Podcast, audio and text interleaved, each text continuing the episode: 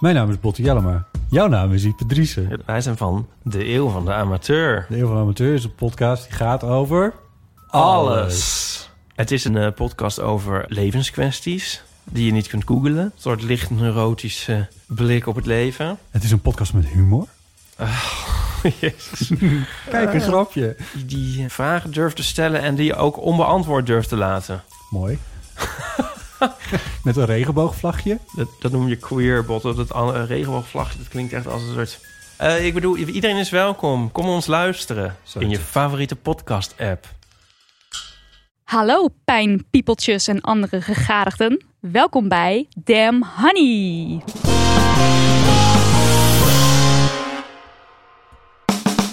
De podcast over shit waar je als vrouw van deze tijd mee moet dealen. Mijn naam is Nidia En ik ben Marilotte. en dit is aflevering 149. En vandaag gaan we het hebben over pijn. En dan ietsje specifieker over chronische pijn. En dat gaan we doen met iemand die al sinds 2010 constante zenuwpijn heeft. En over het onderwerp, in de breedste zin van het woord, het geweldige, confronterende, pijnlijke mooie boek heeft geschreven genaamd Pijn. Ja, en eh, het is Sanne Bloemink. Hallo, welkom. Hallo. Hallo. Leuk om hier te zijn. Ik dacht, ik begin even met iets heel anders. Want een hele tijd, gele- hele tijd geleden, 2012, heb je een boek geschreven over de New Yorkse geluksindustrie. Ja, dat klopt. Happy ja. Me. Dus ik dacht Ja. even heel kort ook over dat onderwerp. Ja, Eh, welke wijze geluksles heb je meegenomen? Ehm, nou eigenlijk mijn belangrijkste les was om niet de hele tijd te proberen zo gelukkig te worden. Geluk na te streven. nou, ja, en lukt dat? en, eh, nou ja, dat, dat probeer ik dan een beetje eh, toe te passen in mijn eigen leven. Maar Ja. het lukt niet altijd. Oh, het nastreven Maar- van geluk maakt een ongelukkig. Ja, Oh ja. ja, nou ja, het, het was eigenlijk ook een kritiek op de geluksindustrie in New York. eh, waar, waar geluk heel erg maakbaar werd gevonden. Dat is Mm. hier overigens ook zo. Ja. Ik dacht toen nog, toen ik daar woonde, dat dat echt heel New Yorks was. Ja. Toen kwam ik weer terug in Nederland. Toen bleek het hier ook gewoon precies hetzelfde te zijn. ja. Kapitalisme is overal. Heel internationaal. Maar ik Ja, heb wel echt zin om hem te lezen. Dus hij staat Ja. nu op mijn Oh, leeslijst. leuk. Happy Ja. Me. Nou, dan krijgt hij weer een revival Ja, misschien. precies. Eh, straks gaan we het dus hebben over pijn. Maar nu is het eerst tijd voor onze openingsklassieker. Onze Femi Misser rubriek. Media ging jij onlangs nog de Femi Mist in. Ja, ik heb mezelf een beetje teleurgesteld. Want het bleek dus dat ik die persoon ben die een eh, perverse ehm, eh, eh, Oh. geldprikkel nodig heeft. Om te stoppen met wegwerpbekers gebruiken en koffie. zeg maar, dat was nodig. Dat de overheid zei, oké, maar vanaf nu moet je toch echt gaan betalen voor dat papieren bekertje. Voordat ik En toen dacht je, hell no. Oh nee, jij dacht, oké. Nee, dan jij doe dacht, ik het wel. Ja. Terwijl ik natuurlijk al heel lang... Ik drink heel veel, nou heel veel. Ik drink veel to-go koffie. Eh, Ja. En ik heb ook echt wel al die to-go bekers geprobeerd. En dan raakte ik ze weer kwijt. En dan vond ik het weer goor, want dan zat het in mijn tas. En dan dacht ik, nee, ik ga weer toch weer papier. Maar Ik nu, heb er ook heel veel. ja? Ja, Maar heb je ook eentje die prettig is? ja nu wel. Want ja. dat is dus een beetje mijn Ja. probleem. Maar ik heb er nu ook eentje gevonden waar ik wel tevreden mee Maar je ben. mag ook wel een beetje genudged worden, toch? Misschien. Ja, ik weet niet. Ik vond het wel een beetje flauw van mezelf. Dat ik al die jaren, Ja. want we hebben het echt over jaren. nou, Ja. Dat je dat die berg gedaan. echt niet visu- visualiseren. Die berg papieren bekertjes die ik veroorzaakt heb. Ja, goed. Dat, Marilotte. Oké. Eh, ja, nou, ik wil graag heel eventjes stilstaan ehm, weer bij eh, de protesten in Iran. En ik zeg weer omdat we het er wel een paar keer over hebben gehad in de podcast. Maar ik zeg ook weer omdat het een tijdje toch uit mijn gedachten verdwenen is, eerlijk gezegd. Eh, deze aflevering verschijnt op de dag dat het een jaar geleden is dat de Koerdisch-Iraanse Gina Masha Amini in eh, Teheran in elkaar geslagen is door de moraliteitspolitie in Iran en is overleden. Ehm, en eh, dat was, eh, haar dood was de directe aanleiding voor eh, grootschalige protesten ehm, die tot op de dag van vandaag voortduren in Iran. En ehm, mensen grepen dit moment aan om te strijden voor hun rechten. En in eerste instantie waren dat vooral vrouwen en meisjes, want die lijden ontzettend onder dat onderdrukkende regime. Ze, ze moeten bedekt, ze mogen niet dansen, ze mogen niet lachen, niet vrij reizen. Nou, dat allemaal ellende. Hier hebben we over gehad in de podcast. Dus mocht je daar eh, naar willen luisteren, dat kan in eh, vorige afleveringen. Ik zal even een linkje zetten in de show notes. Ehm, maar deze protesten werden dus heel groot, want uiteindelijk eh, sloten zich steeds meer mensen aan. En het regime heeft ook heel erg gewelddadig opgetreden tegen die protesten. Dus er zijn mensen opgepakt en ter dood veroordeeld. En het is nog steeds echt wel heel verschrikkelijk wat daar aan de hand is. En ik realiseerde me opeens, ja, het is ook wel een enorm privilege voor mij dat ik dan ook kan, dat ik het ook een soort van even kan vergeten. Ja. En eh, ik wilde dan daarom dus de, even graag deze rubriek en deze aflevering aangrijpen om, nou ja, iedereen er weer even aan te herinneren die er dan misschien ook net zoals ik niet zo mee bezig was meer. Want het is nog steeds aan de hand. Goed Goeie. dat je het zegt, want ik was het eigenlijk ook. Ik, Ja. je, zie- je hoort er inderdaad de laatste tijd eigenlijk niet zoveel meer over. Nee, in, dan in de media. Maar ik weet wel, ja, er zijn natuurlijk- natuurlijk zat mensen, zeker ook mensen met banden, eh, mensen in Nederland met banden met Iran, die Ja. gewoon daar nog steeds constant mee bezig zijn. Ja. En een soort tweede leven leven eigenlijk, omdat ze daar zo mee bezig zijn. Dus vandaar. En eh, Sanne, had jij een Femi-misser? Nou ja, die van mij sla- sl- sluit misschien wel een beetje aan hierbij. Want eh, mijn dochter had vandaag haar eerste schooldag. En, eh, Spannend. ja, dus dat was spannend. En die ging naar school in een heel, heel, heel, heel kort broekje. En we hebben het over middelbare school dan, of niet? Ja. Met ook allemaal eh, scheuren erin en zo. En ik merkte dat ik toch heel even zo dacht... Moet dat nou? Hè? Ja. Doe, doe nou even een ander broekje aan Bedek voor de eerste dag. jezelf, Bedek jezelf. En, maar dus het sluit eigenlijk heel goed aan eh, bij jouw Femi-misser. Dat we dus de vrijheid hebben om dat gewoon te kunnen doen. Ja, precies. En aanmogen wat we willen. ja. Dus ehm, ja, dat Heb- bedacht ik me toen ook. Heb je het ook gezegd? Ik heb niks gezegd, Oké. nee. Ik heb het alleen gedacht. Ja, ja, Maar goed, Dan valt het mee, eerlijk gezegd. ja. Tijd voor Tijd voor post. post. Tijd voor post. Eh, dit is lange post, dus ehm, hou je vast. Dit is trouwens ingekorte, nog steeds heel lange post. Komt het. Ja, maar wel ingekort. Goed om, Ja. goed om even netjes te, te Ja. zeggen. Hey leuke meiden van Dem Honey. Is het jullie wel eens opgevallen dat er ontzettend veel mensen zijn die een ziekte, aandoening of klacht hebben waarvoor de medische wetenschap eigenlijk geen oorzaak kan vinden? Als ik om me heen kijk, zie ik mensen met depressies, chronische pijn, chronische vermoeidheid, burn-out, migraines, postvirale syndromen zoals long-covid en ga zo nog maar even door. En dit zijn ook vaak jonge mensen. Mijn mijn naam is Charlotte en ik ben medisch bioloog, 34 jaar. Ik vind het eigenlijk, zeker vanuit mijn achtergrond, ontzettend raar dat er zoveel dingen zijn waarvan we niet weten hoe het komt. Zeker als je een beetje weet hoe de medische wetenschap er tegenwoordig voor staat, namelijk knettergoed.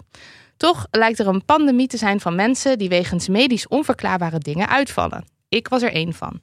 Ik kreeg vorig jaar in april long-covid. Verkoudheidje, stelde niks voor en hup, meer dan een jaar de ziektewet in. Ervoor kerngezond. Ik kon, mijn, ik kon met mijn biologenbrein er gewoon niet omheen dat dit toeval was. En ook niet dat het allemaal door een virus kwam. Ik volgde met smart alle ontwikkelingen op wetenschappelijk gebied. Inmiddels zijn we 3,5 jaar na de start van de pandemie en er is nog steeds geen heilige graal. Gelukkig kwam ik ook een ander pad tegen. Iets wat niet binnen de reguliere geneeskunde viel, maar wat ook niet te categoriseren valt als alternatief. Absoluut geen haat richting alternatieve geneeswijzen, maar ik ken er weinig waar mijn biologenbrein gelukkig van wordt. Want ze zijn vaak niet te beredeneren. Ik voel me daar zelf niet prettig bij. Desondanks heb ik toch wat dingen geprobeerd om van mijn long-covid af te komen. No dice. En eigenlijk ook no surprise. Zoals ik al zei, er is wel een oplossing. En die ligt eigenlijk in iets wat wij beschouwen als iets heel zweverigs. Maar wat het helemaal, maar dan ook helemaal niet is. Bear with me, want ik ga proberen het kort uit te leggen. Maar omdat het iets is wat eigenlijk in de westerse wetenschap, om redenen die je kan begrijpen, niet is meegenomen, is dit, concept wat nog, is dit een concept wat nog weinig mensen kennen en het kan dus heel raar klinken. Dus je bent gewaarschuwd. Open mind gewaardeerd. Het punt is dat er op de dag van vandaag eigenlijk weinig aandacht is voor de impact van emoties en, en de kracht van ons zenuwstelsel in de westerse geneeskunde en medische wetenschap. De grondlegger van deze theorie is Dr. John Sarno, een Amerikaan die mensen met chronische pijn bestudeerde. Hij kwam met de term TMS, Tension Mitosis Syndrome, wat eigenlijk zoveel betekent als dat langdurige spanning in het lichaam bepaalde veranderingen met zich meebrengt in het lichaam die voor pijnklachten kunnen zorgen. De reden van veel pijn is niet alleen acute stress, maar juist stress die veroorzaakt wordt door onderdrukte emoties. Inmiddels is die theorie en de term TMS veel breder inzetbaar. Het gaat eigenlijk over alle klachten die je lichaam genereert als het langdurig in vecht-vluchtreactie verkeert. Klachten die je een beetje of zelfs helemaal, eh, helemaal plat kunnen leggen. Net zolang totdat je zenuwstelsel het weer veilig, tussen aanhalingstekens, acht buiten. En dat kan ontiegelijk lang duren. In mijn geval was echt de crux door mezelf te beseffen dat ik nooit boos ben, kon ik heel specifiek op die onderdrukte emotie actie gaan nemen. Die op gaan zoeken, gaan leren voelen. En dat hoeft niet per se boosheid te zijn. Ik ken zelfs mensen die hebben geleerd blijdschap te onderdrukken. Ja, echt. En dat is heel verdrietig. Elke emotie waar jij als kind een nare reactie op hebt gekregen voor langere tijd of die heel erg veel indruk heeft gemaakt, kan je daardoor gaan onderdrukken. Dit verhaal moet de wereld in. Ik denk dat iedereen iets aan deze kennis heeft. Dat we bij onszelf kunnen herkennen wanneer ons zenuwstelsel een seintje geeft dat het too much is. En dat we dan daarnaar handelen. Besef hoeveel leed het kan schelen. Ik besef ook dat dit niet in één jaar te fixen is. Want John Sarno heeft deze theorie al in de jaren 80, misschien zelfs eerder, weet ik niet zeker, wereldkundig gemaakt. En waar het in kleine klutjes wel wordt opgepakt, ook in Nederland, wordt het ook vaak in verband gebracht met zweverigheid, spiritualiteit, terwijl dit gewoon keiharde biologie is. Oh, en ik vergeet het aller, aller, allerbelangrijkste. Het hoeft geen cent te kosten om van je TMS-klachten af te komen. Ik ben van mijn long-covid afgekomen met de methode Journal Speak van Nicole Sachs. Gratis staat er te zaakjes achter. En mijn god, ik wist niet wat ik meemaakte toen ik begon met journalen, want volgens haar methode. Ik heb zo, zo, zoveel over mezelf geleerd. Ik ben niet meer degene die ik was voor ik ziek was. Ik weet wat mijn trauma's zijn en ontdek ook nog steeds nieuwe. Ik weet wat mijn copingmechanismen zijn en ik weet waar mijn triggers liggen. Ik leer nu met emoties omgaan en ik ben volledig klachtenvrij met vijf uitroeptekens. En tussen haakjes staat erachter, mind you, ik zet nooit zoveel uitroeptekens. Dit is echt uitzonderlijk. Ik heb meer energie dan ooit. Ik heb me nog nooit zo goed gevoeld. En ja, dat klinkt ongeloofwaardig. Ik knijp mezelf regelmatig en toch is het zo. En ik ben niet de enige die dit gedaan heeft. Er zijn inmiddels veel succesverhalen van mensen met verschillende TMS-aandoeningen die volledig genezen zijn. Dank jullie wel voor jullie, al jullie goede dingen en jullie doen. En ook voor het lezen van deze mokerlange mail. Heel veel liefs en een knuffel, Charlotte van Damme.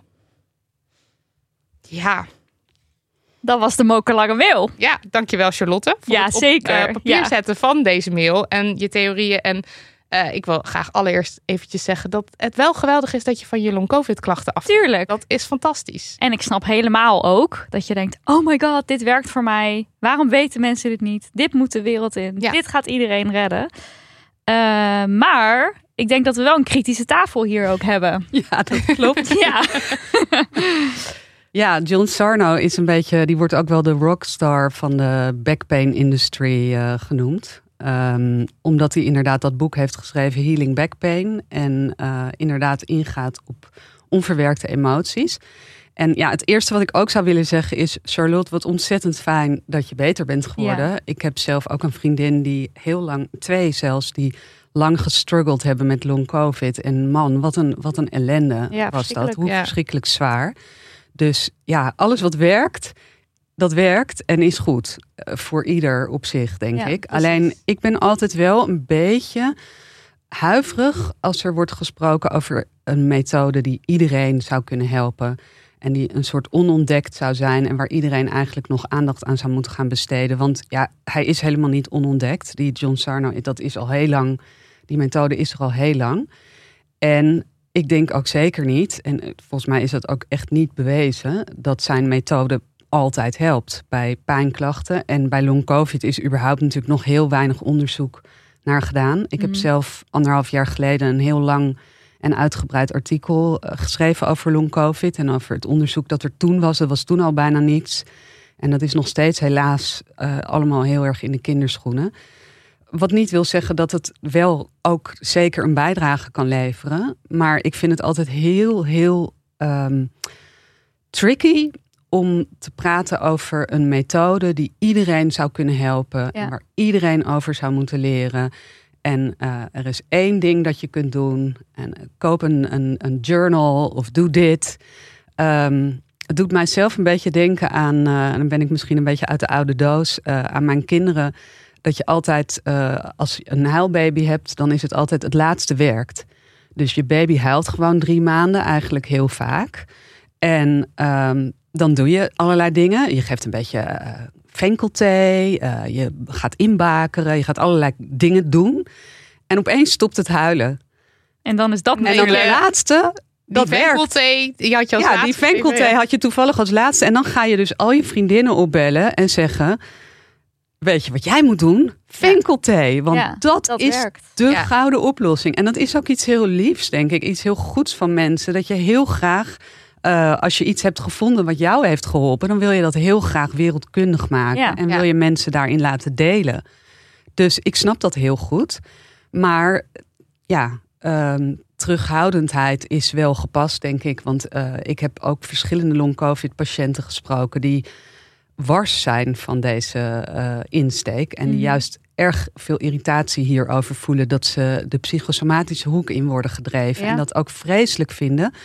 En een groot probleem is ook dat eh, zolang je blijft denken dat het allemaal psychosomatisch is en te maken heeft met onverwerkte emoties, je ook nooit eh, geld binnenkrijgt voor eh, biomedisch onderzoek naar long-covid. En Ja. dat lijkt me toch wel echt heel erg noodzakelijk. Ja. Ja. Ja, en ook vanuit de ME-hoek hoor je dit van veel mensen die dat hebben. Dat, dat er toch veel ja, klinieke therapieën zijn die elke keer weer teruggaan op het psychische gedeelte. En eh, op conversie en, en dat het trauma is. En dat dat eigenlijk bovenop de ziekte ook een, ook een medisch trauma is. Precies. Omdat het zo pijnlijk is om niet geloofd te worden van het is mijn lichaam, het is mijn lichaam, het is mijn lichaam. En je kan het duizend keer zeggen. En er blijft maar elke keer van nee, je trauma, trauma, trauma. En Ja.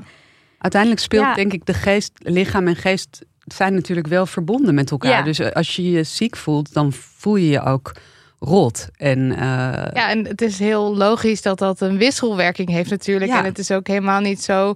eh, want, want ik zat wel te denken, haar laatste alinea gaat over... Nou, ik weet wat mijn triggers zijn en ik weet hem en ik leer mijn Ja, trauma's kennen. dat is allemaal lijkt heel me gewoon heel erg gezond en Voor fijn. En iedereen. dat zou ik Ja. iedereen ook willen aanraden in de zin van... het is goed om jezelf te kennen. ja. dat heb ik ook gedaan Ja. met mijn chronische pijn. Ik bedoel, ik ben daar ook, ik heb daar ook wat aan gehad. En Ja. ik denk zeker dat dat een component is waar je iets aan kunt hebben. Ehm, alleen waar ik, waar ik een beetje aanstoot aan neem, is het idee dat dat alles zou kunnen oplossen. Een soort Ja. heiligverklaring of Ja, alles wat, wat een oplossing is voor alles bij chronische aandoeningen, ben ik huiverig voor. Want waarom zou niet iedereen dan nu al beter zijn?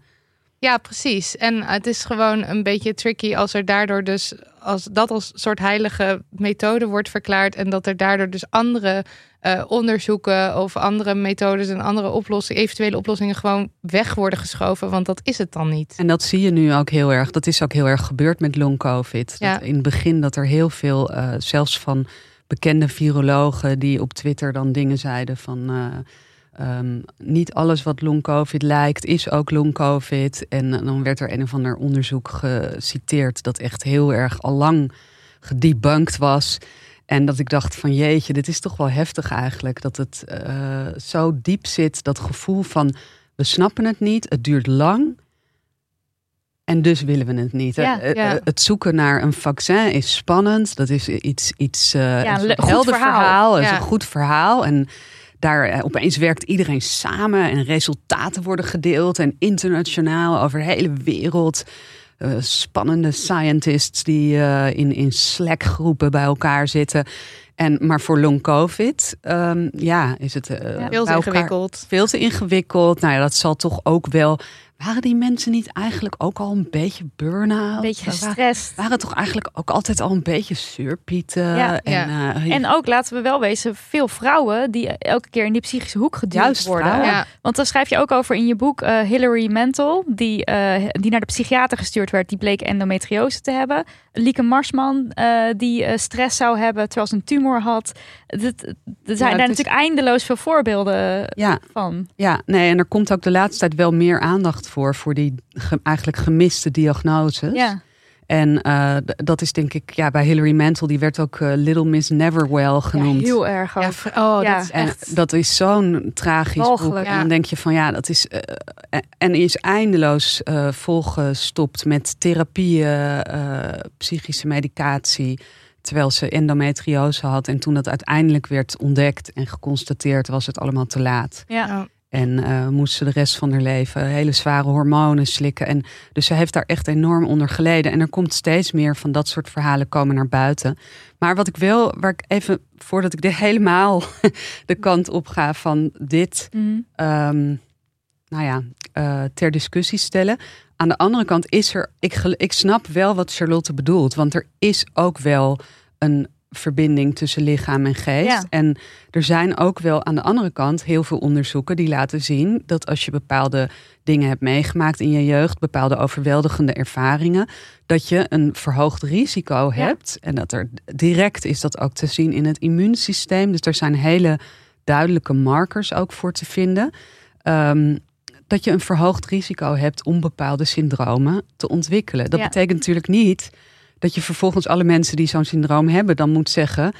Ga dat- eens even ja. zoeken naar je onverwerkte trauma, ja. emoties. Want dat is de reden voor jouw ziekte. En ik ben er beter van geworden. Dus jij moet dat nu ook doen. Maar je kunt het wel, het is wel heel belangrijk om het in ogenschouw te nemen als maatschappij. Om te kijken van, goh, dit is eigenlijk ook een prijs die je betaalt voor eh, ja, kinderen in een onveilige jeugdsituatie die overweldigende ervaringen meemaken. Dat speelt dus op zo, hè, speelt nog zo lang door. Ja. Maar het is een beetje zoals met, eh, ehm, met roken, denk ik. Eh, het is, eh, als, je, als je veel rookt, dan heb je een grotere kans op longkanker. Maar niet alle longkanker Is wordt door roken veroorzaakt. Nee, precies. Precies. Ja. Het, is, ehm, het is gewoon altijd weer veel complexer dan je wil, dan de medische wereld wil. En dat betekent dus niet dat het de, de geest en de psyche niet meegenomen moet worden, maar niet dat je dat dus alleen maar moet doen. Nee, en ook gewoon lekker, ja, deel je verhaal als je dat wil, maar dring het niet op. Dat is het denk ik vooral. Als mensen Ja. het zoeken, dan kunnen ze je verhaal vinden. Ja. Maar niet eh, iedereen eh, die met long-covid heeft, eh, Ja,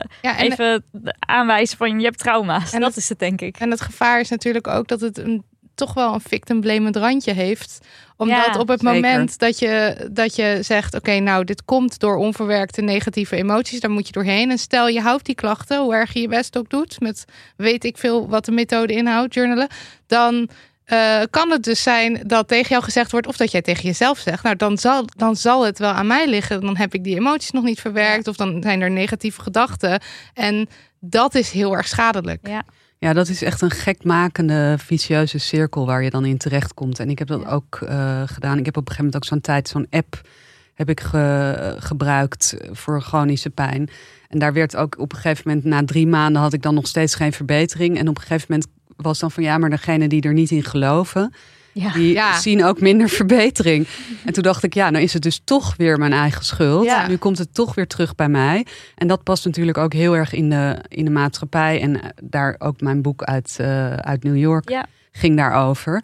Dat alles uiteindelijk wordt teruggevoerd naar het individu. eh, dat alles moet oplossen en een beetje harder aan zichzelf moet werken. En Ja, wat meer moet mediteren en wat vaker een wandeling maken.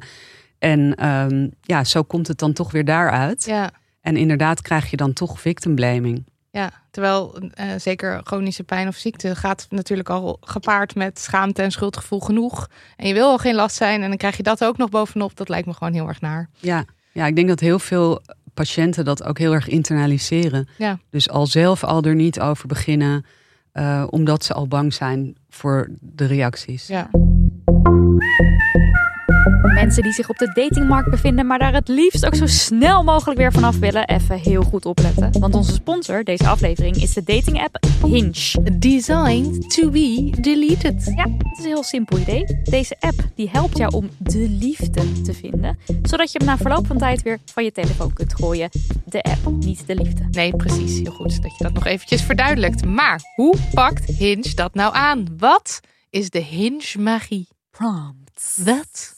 Prompts. Prompts. Inderdaad, prompts. Prompts zijn, ik ga gewoon heel vaak prompt zeggen en dan is dat gewoon onderdeel van je vocabulaire. Dagelijkse vocabulaire. Prompts zijn gespreksopeners. Kleine leukigheden die je over jezelf kunt delen. En eh, daarin kun je laten zien wat je humor is, wat je manier is van communiceren, waar je het graag over wil he- hebben. Kortom, het geeft een beetje een idee van wie jij nou eigenlijk bent. Ja, en als je een match maakt op Hinge, dan doe je dat dus door heel specifiek te reageren op iets van iemands profiel. Dus dan is het meteen duidelijk waar de match hem nou precies in zit. Ja, dit lijkt me dus genieten. Hè? Toen ik nog op de dating-apps zat, was het toch elke keer weer denken: waar ga ik het gesprek mee openen? Waar in hemelsnaam moet ik het over hebben? En dit geeft net een beetje meer richting, een haakje. Ja, en je kan je prompts inzetten om het kaf van het koren te scheiden. Want dan zeg je Ah, gewoon, ja. ik wil iemand, puntje, puntje, die feminist is. Ja, dan hoef je er niet na drie dates achter te komen dat iemand een scheidhekel heeft aan feministen. Dat lijkt me handig. Ja. Of bijvoorbeeld, ehm, ik weet de beste plek in de stad voor Een ochtendduik. Goeie date ook meteen. Ik bedoel maar. En dan weet de ander ook, oké, blijkbaar houdt die Nidia uh, Voorthuizen van eh, zwemmen in de ochtend. Dat mot ik niet. Kaf van het koren. Ja, ik zei het toch? Precies. Download de app Hinge op je telefoon. Maakt niet uit of je Android hebt of eh, iOS, Apple dingen. Ehm, je kan gewoon eh, lekker downloaden. Ja, en stuur ons je Hinge-ervaringen. Vinden we leuk. Ja, heel Hinge. graag. Hinge. Hinge.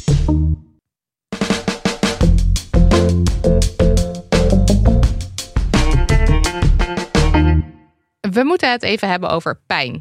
Eén op de vijf mensen heeft chronische pijn. Het verandert complete levens, veroorzaakt onwijs veel leed en vanuit kapitalistisch oogpunt, het kost de samenleving ook nog eens klauwen met geld. Je zou dus kunnen denken, ook de meest fervente kapitalist zou vinden dat we hier de volle aandacht voor zouden moeten hebben. En hebben we dat? Nee. Nope. Het blijft een onderbelicht onderwerp. Mensen hebben het er liever niet eh, te lang over, hè, over iemands pijn. Ze willen vooral horen, het gaat beter, het gaat goed, het gaat de betere kant op. Artsen die kunnen er, nou ja, op zijn zachtst gezegd, niet altijd even goed mee uit de voeten. En onderzoekers komen geld tekort. Eh, Sanne Bloemink, hier tegenover mij. Hallo. Daar. Hi. Jij. Hi, hi. Eh, jij hebt sinds eh, 2010 constante zenuwpijn en jij schreef daar het boek Pijn over. En dat gaat niet zozeer alleen over je eigen ervaring, maar ehm, over pijn in het algemeen. Er komt kennis vanuit de geneeskunde, vanuit de filosofie, vanuit de literatuur en geschiedenis in je boek voorbij. En over al die losse onderwerpen hadden wij, geloof ik, denk ik, weet ik eigenlijk wel zeker, een complete aflevering kunnen maken. Maar we houden het nu toch bij deze ene aflevering. Het is een groots onderwerp. Ehm, maar laten we even beginnen bij de basics. Wat is pijn of wat is chronische pijn? Ja, nou er is dus een heel groot verschil tussen acute en chronische pijn. En acute pijn is eh, wat ze dan noemen nociceptieve pijn, nociceptie. Ik hoop dat ik dat nu goed zeg. Ehm, Anders en- horen we het wel hoor, van de luisteraar. ja, precies. Eh, als je bijvoorbeeld je vinger tussen de deur krijgt Ja. of je, eh, je brandt je hand aan de oven, dan trek je heel snel je hand terug. Want dan komt er meteen een boodschap van dit is gevaarlijk, Ja. er is schade aan het lichaam. En dat is dus pijn die zin heeft, die eh, je lichaam beschermt en pijn die, die als een symptoom van andere schade functioneert. Maar al heel snel, eh, dat schijnt al, eerst dachten ze zes maanden, nu drie maanden, maar de meningen zijn daar een beetje over verdeeld. Maar drie tot zes maanden nadat iemand een bepaalde verwonding of bepaalde schade of bepaalde ziekte heeft gehad, die pijn veroorzaakt, is pijn al niet functioneel meer. Hm. En eh, dat betekent dus dat er op een gegeven moment. Ik, ik vergelijk het altijd met een, eh, een alarmsysteem. Stel je hebt een, eh, een inbreker die je huis binnenkomt. En die kan ook echt binnen zijn gekomen. Je alarm gaat af.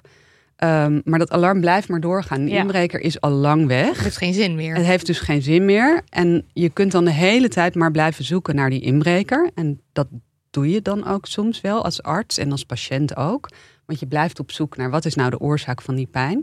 Terwijl eigenlijk eh, het alarmsysteem zelf kapot is. En dat is dan dus je centrale zenuwstelsel. Dit is even heel simplistisch, want er zitten ook nog wel wat eh, mitsen en maren. Maar heel simplistisch gesteld wat chronische pijn is. Ja. En ehm, dan gaan er dus ook allerlei andere factoren gaan daarbij een rol spelen. Dus immunologisch verandert er dan van alles in je lichaam. Ehm, je zenuwstelsel verandert dus, want die gaat bepaalde signalen, blijft die doorgeven en wordt een soort overgevoelig. Dat heet centrale sensitisatie. En nou ja, waar we het net ook al eventjes over hadden, eh, ook, ook geestelijk veranderen er natuurlijk dingen. eh, doordat je die pijn hebt. Ja. Ehm, maar dat is ook weer een proces wat op elkaar in kan werken. Nou ja, daar hebben we het net over gehad, over die onverwerkte emoties. Eh, dat kan ook een rol spelen bij als je, als je gevoeliger bent, als je bepaalde dingen hebt meegemaakt, waardoor je gevoeliger bent voor het ontwikkelen van zo'n pijnsyndroom. Dan eh, kan, kan dat sneller gaan, kan dat sneller gebeuren. En het is dan dus zo dat met acute pijn zeg je het is zinvol en er is bijvoorbeeld schade of ziekte.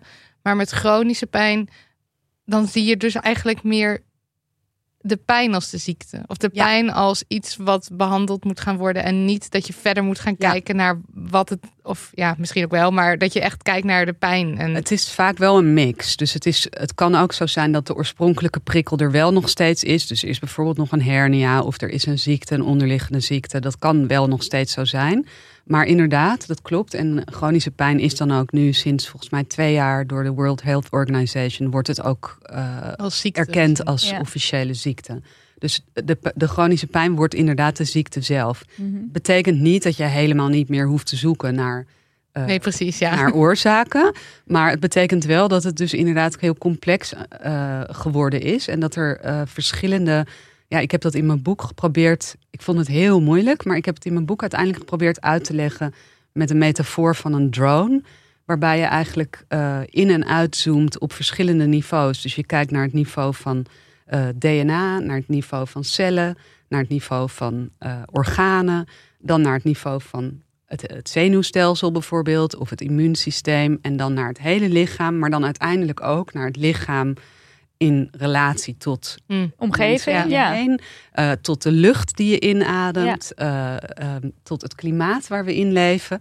Hè, dus zo heb ik het geprobeerd te zien, al die dimensies spelen een rol ja. tegelijkertijd. En dat veel te complex eigenlijk. Ja, Helemaal dat niet maakt het dus ook heel erg complex. ja. Dat is ook niet leuk. Helemaal niet leuk. Eind. Ja, precies. Je wil gewoon een oplossing. En dat willen patiënten natuurlijk ook. En ja, daarom gaan ze ook van alles proberen. En uh, je, je, wil van iedereen die pijn heeft, wil daar vanaf. Tenminste, er zijn natuurlijk een paar uitzonderingen. En als je bijvoorbeeld, er wordt heel vaak wordt er gezegd met sport He, no pain, no gain. Mm -hmm. um, daar maak ik een heel duidelijk onderscheid in. Dat, dat, want dat zie ik als gezochte pijn en gewenste pijn. Uh, dat is pijn met een bepaald doel. Terwijl chronische pijn is uh, ongewenste pijn. Ja. En uh, dat is dus iets heel anders. En wat is jouw eigen pijnverhaal? Um, ja, dat kan je ja. natuurlijk niet in twee seconden uitleggen. Nee, maar... en meteen, meteen als eerste schiet ook dus weer door mijn hoofd... oh, dat is een heel saai verhaal. En dat is dus ook het moeilijke bij het schrijven van het boek. Dat je wil heel graag ook een spannend verhaal vertellen. En tegelijkertijd is het niet zo sexy en niet zo spannend.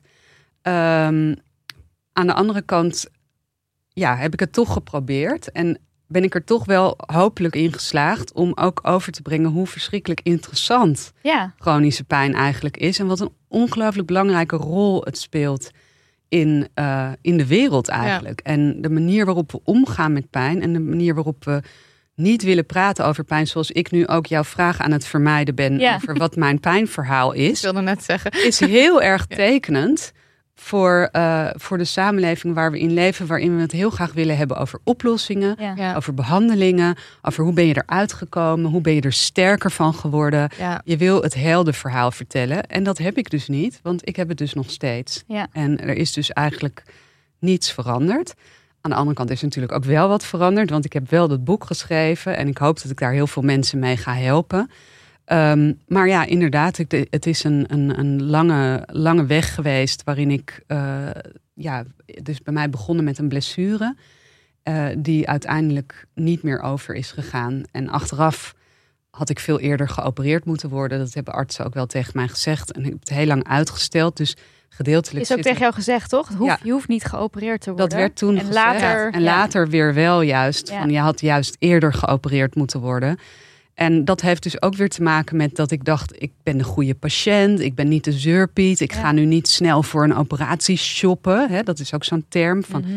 eh, een shoppende patiënt. En dan zie je al meteen zo'n zo'n soort van eh, inhalige vrouw Ja. met, met Vrouw. boodschappentassen die eh, aan het shoppen is. Hè? Dat, dus dat, dat gebruik ik eigenlijk liever niet, die term. Maar, maar goed, waar was ik? Jij had weer de Calvinistische inborst. ja, jij. ik wilde Ja. vooral niet zeuren. En dat is eigenlijk iets wat ik... Ik zag dat bijvoorbeeld ook... Ik heb ook een, een revalidatietraject gedaan. En toen dacht ik, oh ja, dan krijg je natuurlijk allemaal mensen die helemaal niks willen en niks kunnen. Was ik ook heel, eigenlijk had ik daar allerlei vooroordelen over. Want die moeten dan geactiveerd worden. En ja, wat schetst mijn verbazing? Wel echt, er waren de meeste mensen deden juist veel te veel. Mhm. En moesten eigenlijk juist leren om meer te ontspannen en meer ja, te, naar hun lichaam te luisteren. Ja. En Er is natuurlijk heel erg dat beeld van eh, de patiënt wil niet beter worden. De patiënt is lui, die, wil- die, die wil niet naar zijn werk. Eh, UWV ook, weet ik Ja. veel, allemaal narigheid. Terwijl je eigenlijk van, van elke chronische, eh, chronische pijnpatiënt hoort van... hallo, er is maar één ding wat ik wil. En dat is gewoon leven zoals iedereen leeft. Ja. En Ja. Ja, het is natuurlijk heel moeilijk om nee te zeggen tegen de, de, de leuke dingen ook. Maar ook de vervelende Ja. dingen wil je juist Ja. ook gewoon lekker doen. Ja, ja, nee, dat klopt. Ja, ik heb dan het voordeel dat ik freelancer ben. Dus ik ben dan in ieder geval nooit een profiteur. Ook gevaarlijk. Oh, maar, maar dat is zijn. ook heel erg gevaarlijk inderdaad. Want Ga je ja, over grenzen heen het voelt tijd. ook een beetje als een soort. Het boek voelt ook een beetje als een soort coming out. En Mm. eh, ja, het is, een, het is dus niet zo sexy. Het is, al- er is ook een soort idee van: oh, dan ben je oud als je pijn hebt. Er heeft ook wel eens iemand tegen mij gezegd: oh, wat vervelend dat je dat hebt. Dan voel je je zeker ontzettend oud. En toen dacht ik: oh, dat had ik eigenlijk nog, niet- nog helemaal niet bedacht. Maar, Maar nu wel. nu wel, ja. ja Ja, je dus- bent veel te jong om al zo ziek te zijn of zoveel pijn te hebben. Ja. Dat is ook iets wat veel jonge mensen horen ja, met pijn. ja. en dan denk je, oh wat vervelend. En je wil dat vooral niet, want je wil ook opdrachten krijgen. En je wil juist eh, leuk en fris en gezellig Ja. overkomen. En eh, vol energie. En dat ben ik ook. Hè? Dat is ook mijn identiteit. Dat ik juist al die energie heb. En dat Ja. ik zoveel dingen interessant vind. En eh, van alles wil uitzoeken. Mhm. Ehm, dus je bent ook heel bang om, om die, ja, die eigen identiteit te verliezen ja. op het moment dat je het serieus gaat nemen. Want dan denk je, ja, dan word ik dus die saaie pijnpatiënt. En dan komt dus dat hele saaie verhaal. Wat ik echt ook niet een saai verhaal vind. Zeg maar, Nee. ik als niet-pijnmens die dat boek leest, denk, heb, ik heb geen moment horen. gedacht, dit is een saai verhaal. Ja. Dat is echt heel fijn om te horen. En ik wilde dat ook graag even. Ja. Stukje bevestiging. Ja, een stukje Ja. bevestiging. Ja. Het is absoluut geen saai verhaal. En, en ik kan me dus voorstellen, want ja, jij, kreeg een, jij kreeg een blessure. Ja. Eigenlijk gewoon ook door een sportklasje waarvan ik dacht, nou, dit heb ik ook een miljoen keer Ja. gedaan in mijn leven al. Ja. En je maakt een verkeerde beweging en, eh, en het was gedaan. Ja. Je hebt heel lang gedacht, denk ik, dit is tijdelijk. Ja, wanneer, heel lang. Wanneer kwam je eigenlijk voor jou een soort van de omslag van, kut, dit kan- Heel, ja, dat, het heeft echt heel lang geduurd. Ik was natuurlijk ook echt wel nog jonger. nog En jonger, nog jonger dan nu. En nog sexier, nog leuker. Dat kan niet. Ja, ehm, nee, ja, het heeft echt wel heel lang geduurd. Ik Ja. woonde toen ook in New York. Dus ik, was, ehm, ik ben daar toen ook naar een arts gegaan. En die had mijn dochter geopereerd. En mijn dochter had een, een aangeboren afwijking. Dus ik had hem helemaal op een voetstuk Oh ja. geplaatst. Ik dacht echt, hij is... Hij weet alles, hij is de held. En hij had dus gezegd, je moet niet opereren. En heel eventjes denken voor de beeldvorming van de mensen. Wie had pijn?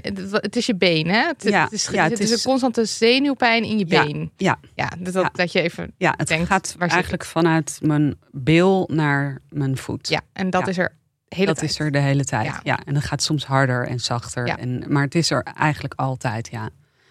Ja, En toen ging je naar die arts en die zei: ja en die zei, nou ja, dat, eh, die zag een hernia op de MRI. Maar ja, dat is, en dat is ook zo. Hè. De meeste hernia's gaan vanzelf over. Dus het is ook beter om niet te opereren in het begin. Want het gaat meestal vanzelf over door gewoon bewegen, blijven sporten.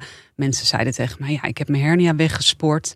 En ik dacht, ja, dat ga ik ook, Ook lekker doen, ja. Ook lekker mijn hernia Actieve- wegsporten. vrouw. Ja, goede, goede patiënt zijn. Ja. En ik had, eh, eh, ja, ik, ik, ik, ik wilde dat gewoon heel goed doen allemaal. Mm.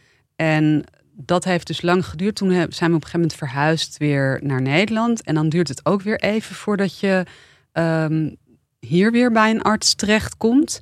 Ik was inmiddels ook, eh, zat ik bij een psychiater en ik had een diagnose gekregen voor depressie. Ik had antidepressiva gekregen. Dus ik, voor mij was het op een gegeven moment ook allemaal een beetje één grote eh, Rij. rij geworden.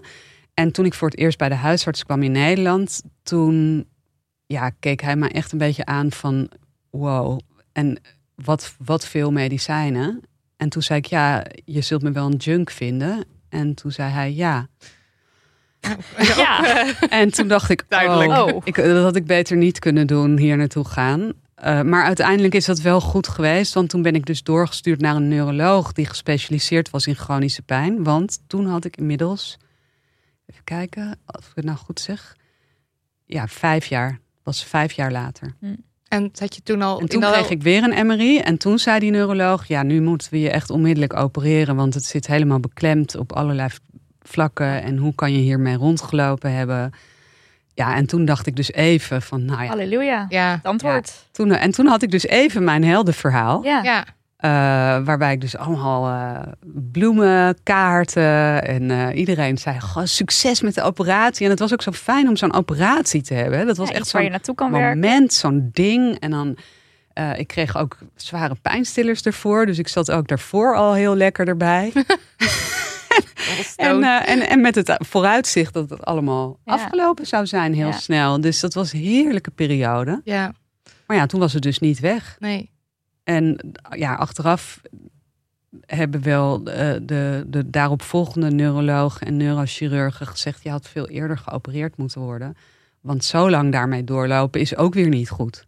Ja, Dus ja, dat... ehm, Ja, is- en kan je, want daar, toen kwam dus daarna toch een soort acceptatieproces, kan ik me voorstellen. Dat je dan denkt, ja, dit, dit is het dan? Of, ja, of ben je, is het nog steeds... gedeeltelijk ben ik er nog steeds niet helemaal... Ik denk dat ik sommige dingen wel een beetje geaccepteerd heb, maar gedeeltelijk accepteer ik het nog steeds niet helemaal. En soms denk ik ook wel eens, dat moet misschien ook wel. Want als ik het eenmaal helemaal accepteer, dan, ja, wat blijft er dan nog over Mm. of zo? Da- da- Dan, dan val, val ik een beetje uit elkaar. Dus het moet, die, die drive en het doen alsof je dat niet hebt, dat moet ook een beetje een beetje in stand blijven. Maar ja, ik heb wel dus inmiddels eh, op een gegeven moment na de tweede operatie. En toen eh, werd er gezegd, ja, de zenuw is intrinsiek beschadigd. En we kunnen daar niks meer aan doen. Anders moeten we je zenuw eruit halen. En dat kan alleen als je eh, onder narcose bent. Dus ja, dat, dat, dat kunnen we niet. Ehm, dus ja, inderdaad, ga er maar mee leven. En eh, wat heel opvallend was, was dat de neurochirurg die dat tegen mij zei, daarvoor zelf een half uur een verhaal had gehouden over hoe hij zijn kliniek wilde opzetten. En dat ik daar toch echt een artikel over moest schrijven. En dat ik dus ook helemaal niet opkwam voor mezelf van dat het eigenlijk een heel naar bericht was. Want de- ja, er werd gewoon een beetje zo overheen gepraat. ja. Als in die pijn werd niet heel... Nee, ik bedoel, het is natuurlijk echt, dat was eigenlijk zo'n verschrikkelijk moment. Ja, ja. Dat, dat hij zei, nou, ik kan dus eigenlijk gewoon niks meer voor je doen. En toen ging hij vervolgens een heel lang verhaal over Om zichzelf houden. Ja. Ja. En kom hier nog langs en kom een stuk schrijven. En, en toen stond ik daar buiten en ik dacht, het is me nou overkomen. Ja. Dit is echt gewoon... eh, Want het was levensveranderend nieuws voor jou. het was echt heel heftig, ja. ja. en toen daarna ben ik dus ook... eh, ja, dan krijg je dus eh, zo'n revalidatietraject. Nou, daar heb ik ook over geschreven in mijn boek. Eh, ook nogal kritisch, omdat daar ook een, een psycholoog was die zei... ehm, alle pijn wordt veroorzaakt door negatieve gedachten. Ja. En eh, we kregen dan zo'n video te zien van een man die, was, eh, die had een dwarslesie en die zat in een rolstoel, maar die was dan comedian geworden en die had er allemaal toch enorm Die had er wat van leuks van gemaakt. En Inspiration je, zag, porn. Ja. je zag iedereen daar zo'n beetje zo langzamerhand zo in elkaar zakken van, nou ja, jeetje, de lat ligt hoog, hè? We We moeten allemaal... Moet het podium moeten allemaal op- aan het cabaret, we moeten positieve gedachten ontwikkelen. En eh, terwijl je zag daar echt gewoon mensen ten einde raad. Heb je eigenlijk ook therapeuten die zelf chronische pijn hebben? Ja, ja, Want die, zeker. het lijkt me dat daar ook wel eh, Ja, dat dat fijn kan zijn. Iemand Ja. die je begrijpt. ik heb daar zelf ook wel eens aan gedacht. Want ik dacht, ik, dan ga ik yoga-juf worden. En dan ga ik juist mensen met chronische pijn helpen. want ja. dan heb ik zelf mijn beweging altijd. Ja. En dan word ik zo'n yogi, heel eh, flexibel en alles. En dan- mensen kunnen hun verhaal bij je En kwijt. dan kunnen ze, ja, dan begrijp ik hun verhaal. Ja. Ja, nee, maar dat heb je ook wel. Ja. En bij die revalidatieklinieken werken ook wel mensen die zelf, eh, ik bedoel, dat leggen ze misschien niet meteen zo op tafel, Mm. maar dat kan je wel merken dat er ook mensen bij zijn die ervaringsdeskundig Ja. zijn. Ja. En kunnen we praten over pijn in deze wereld? Kan je het Nou, zelf? Is het... Ik denk dat het heel moeilijk is en het is, er, er zit een. Kijk, en gedeeltelijk is het heel begrijpelijk. Want als jij nu aan mij gaat vertellen dat je bij de tandarts bent geweest en dat het zo'n verschrikkelijke pijn deed en je kiest en oh, die zenuw, dan heb ik als eerste gewoon een aver- aversieve reactie. Ja. En dat komt omdat ik eigenlijk empathisch ben, omdat ik eigenlijk met jou meeleef. ja. En, eh, en, en daardoor vind ik dat naar. Dus omdat ik dat wil stoppen, ga Je lichaam gaat het ook echt letterlijk een Je beetje voelt- spiegelen, toch? Ja, En sommige mensen doen dat meer dan anderen. Ja, je hebt die spiegelneuronen. En Ja. je hebt inderdaad daar, eh, dat was ook iets heel interessants. Dat vond ik ook heel boeiend. Je hebt zelfs een, eh, een, een bepaalde neurologische vorm van eh synesthesie. En dat heet mirror touch. waarbij je dus echt letterlijk de pijn van een ander kunt voelen. Ja. En ik heb ook een boek gelezen van een arts die dat heeft. En die dus op een gegeven moment bepaalde patiënten ook niet meer kon behandelen. Omdat die gewoon letterlijk in elkaar zakte. Ja. Als iemand anders in elkaar zakte. Ehm, ja, heel, heel bizar. Maar iedereen heeft dat een beetje. En hem in meer of mindere mate. En de, de eerste reflex is dus vaak om dan met een oplossing te komen. Ja, Dus dan wil je graag zeggen: Oké, ik heb hier hele goede pijnstillers voor Ja. je. Of eh, weet je, je moet John Sarno lezen. of je, Yoga, geen gluten. Ja, allerlei eh, eh, oplossingen. Want je wil heel graag iemand helpen. Dus het is echt ook goed bedoeld, vaak van mensen. Maar het is wel een probleem. Want eh, op het moment dat je er niet over kunt praten, blijft het dus allemaal eh, zitten. van binnen zitten. Ja. En ik denk zelf toch dat als je er wel over kunt praten. En dat je dus soms ook, ja, als er wat meer eh, rugbaarheid aan zou worden gegeven. Dat er zoveel mensen rondlopen, ook jonge mensen met chronische pijn.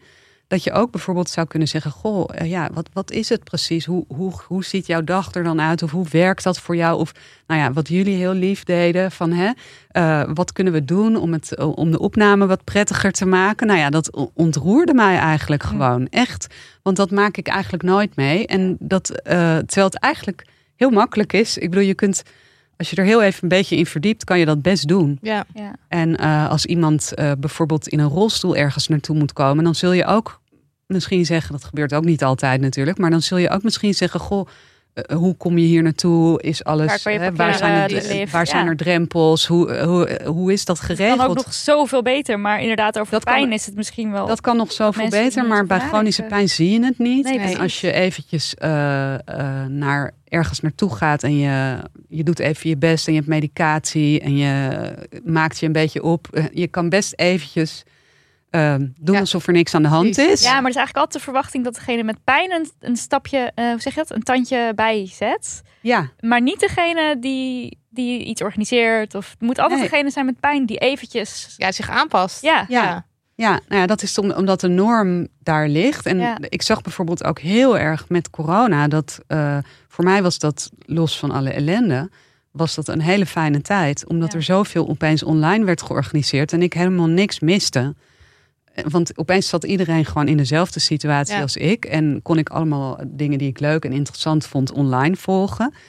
Ja, dit En- horen we heel erg veel ook. het Gewoon is nu allemaal weer teruggedraaid. chronisch zieke mensen die echt Ja. zeggen... sorry, hallo, waar is alles gebleven? Want toen kon het wel. En nu kan nu, het En, niet. nu, en ik snap het ook, want het hè, alleen maar turen naar die schermpjes. Mensen willen elkaar ook fysiek ontmoeten en dat wil ik ook. En ik snap ook dat als je een beperkt budget hebt, dat je dan misschien dat eerder stopt in eh, wat meer activiteiten in, in real life dan, dan, in een livestream. Het is begrijpelijk, maar Ja. het is wel iets waar, waar, je, ja, waar de samenleving ook best wel wat meer bij stil zou kunnen staan. Ja. En het wordt wel heel, zeg maar, zonder dus... eh, want ik, qua budget inderdaad. Maar dan heb je dus echt over losse, losse organisaties en zo. Maar het is gewoon heel pijnlijk waar de prioriteit weer ligt in deze samenleving.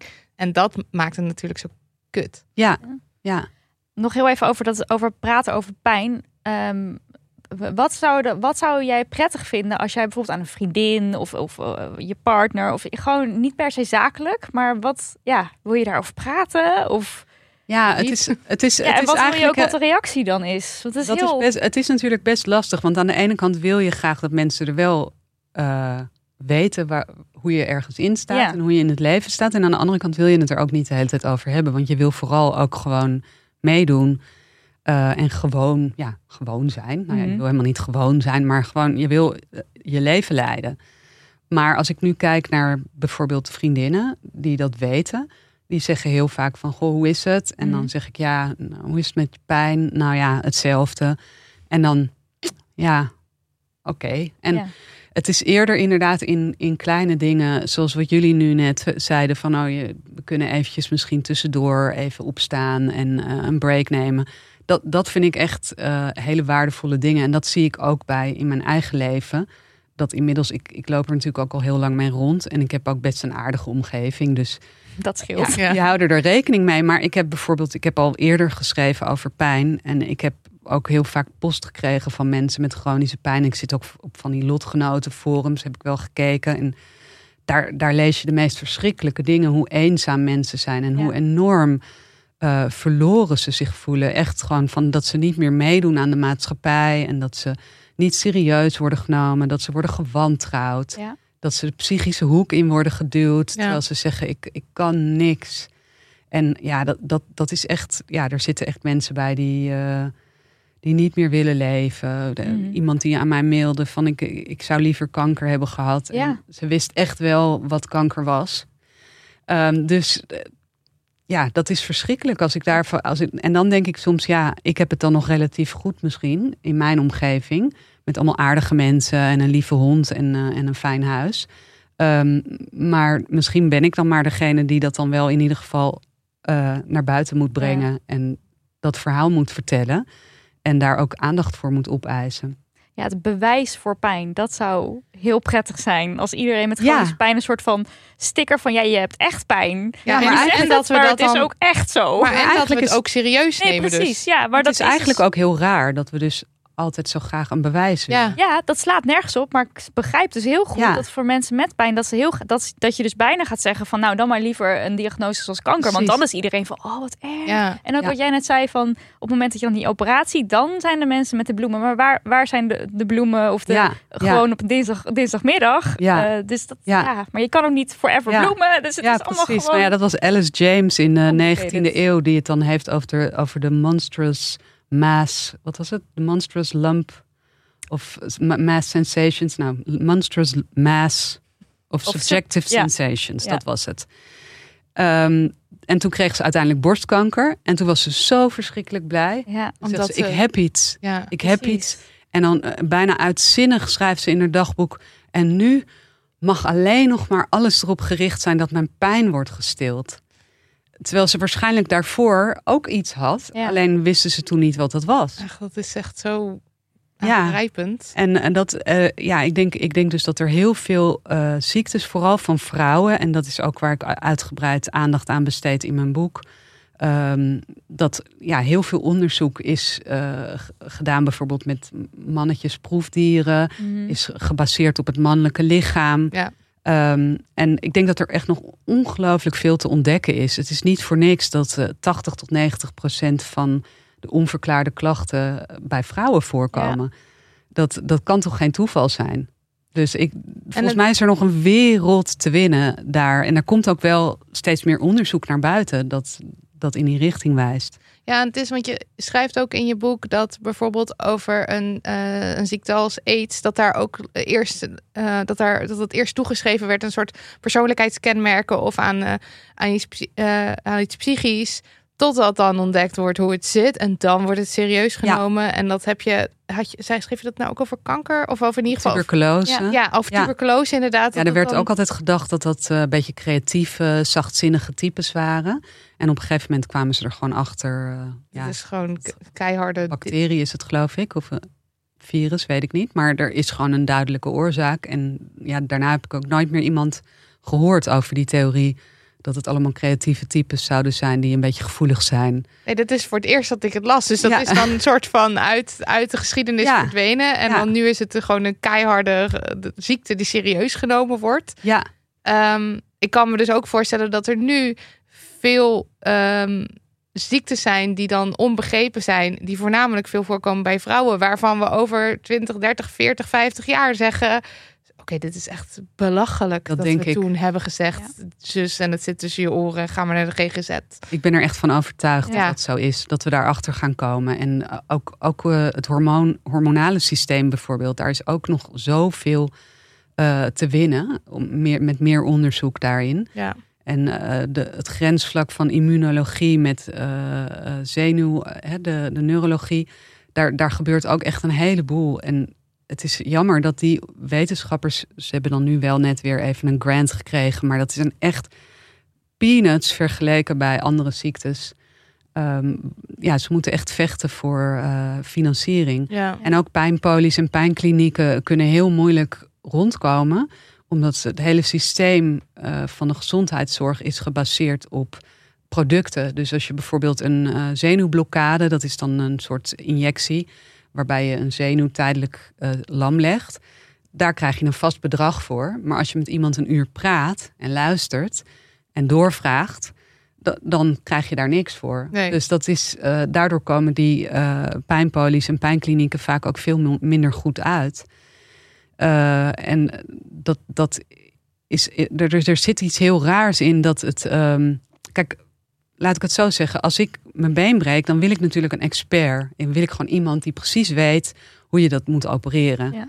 Dus expertise is heel belangrijk en heel goed. En daar wil ik ook niks aan afdoen. Ook toen ik geopereerd werd. En ik word nu waarschijnlijk op een gegeven moment ook weer geopereerd in het najaar.